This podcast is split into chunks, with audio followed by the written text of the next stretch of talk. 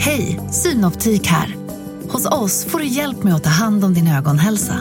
Med vår synundersökning kan vi upptäcka både synförändringar och tecken på vanliga ögonsjukdomar. Boka tid på synoptik.se. Hej och välkomna till Lisa läser. Det är jag som är Lisa. Och idag ska jag läsa Jätten Tom. Det var en gång en jätte som hette Tom. Han bodde alldeles för sig själv uppe i bergen. Hans hus var byggt av tjocka trädstammar. Hans tekopp var stor som en tunna och hans stövlar var stora som båtar. Tom var en mycket snäll jätte men folket som bodde i den lilla staden nedanför bergen var rädda för honom ändå. Han såg så stor och sträng ut. En dag gick Tom ner till stan. Han tänkte köpa grönt garn till en mössa. Så fort stadsborna fick syn på honom stängde de stadsportarna. Sedan sprang de hem och gömde sig inomhus. Tom klev över stadsmuren. När han gick längs gatorna skrek folk åt honom från fönstren. Ge dig iväg! Du är alldeles för stor för att vara i våran stad. Du kan ju trampa ner oss. Ge dig iväg! Ingen ville sälja något åt honom så stackars Tom fick gå hem utan garn. Där drog han av sig stövlarna och la sig i sin jättestora säng. Snart sov han djupt.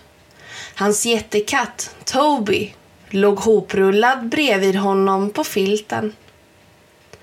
På natten blev det oväder. Blixtrarna lyste upp himlen. Åskan mullrade och regnet öste ner som ett vattenfall så kom en hård vind vinande. Den blåste bort alla regnmoln och sen blåste den allt vad den orkade på alla stjärnorna. Och stjärnorna, de började falla, flera hundra åt gången. Det gnistrade i luften då de dalade ner som snöflingor. Stjärnorna låg och gnistrade och blänkte överallt. På ängarna och fälten, i träden, på gatorna och på alla stans hustak. Stadsborna såg överraskade på alla stjärnorna. Sedan tittade de upp mot den mörka, tomma himlen. Hur ska vi få upp stjärnorna på himlen igen? Undrade de. Dagen därpå gick stans härold omkring och ringde i sin klocka. Hör upp! skrek han. Den som kan få upp stjärnorna på himlen igen får hundra guldstycken i belöning. Alla försökte tänka ut ett sätt, men ingen kom på något. Vad ska vi göra? Sa borgmästaren.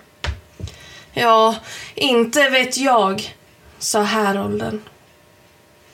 Då hördes tunga steg. Det var jätten Tom. Bli inte rädda, sa Tom. Jag vill bara sätta stjärnorna på plats igen. Men ni måste hjälpa mig. Den ena efter den andra av stadsborna kom ut ur sina hus och klättrade upp på muren för att prata med Tom. Vad kan vi göra då? frågade borgmästaren. Jo, ni kan ta med er varsin väska och plocka upp alla stjärnor ni kan hitta. Sedan ta hit dem till mig så ska jag lägga dem i en stor lädersäck. När alla stjärnor är hopsamlade ska jag sätta upp dem på himlen igen. Alla satte genast igång att leta. De sökte överallt. De tittade under buskar och i rabatter. De kikade i skorstenar och i brunnar. Till sist hade de hittat varenda stjärna.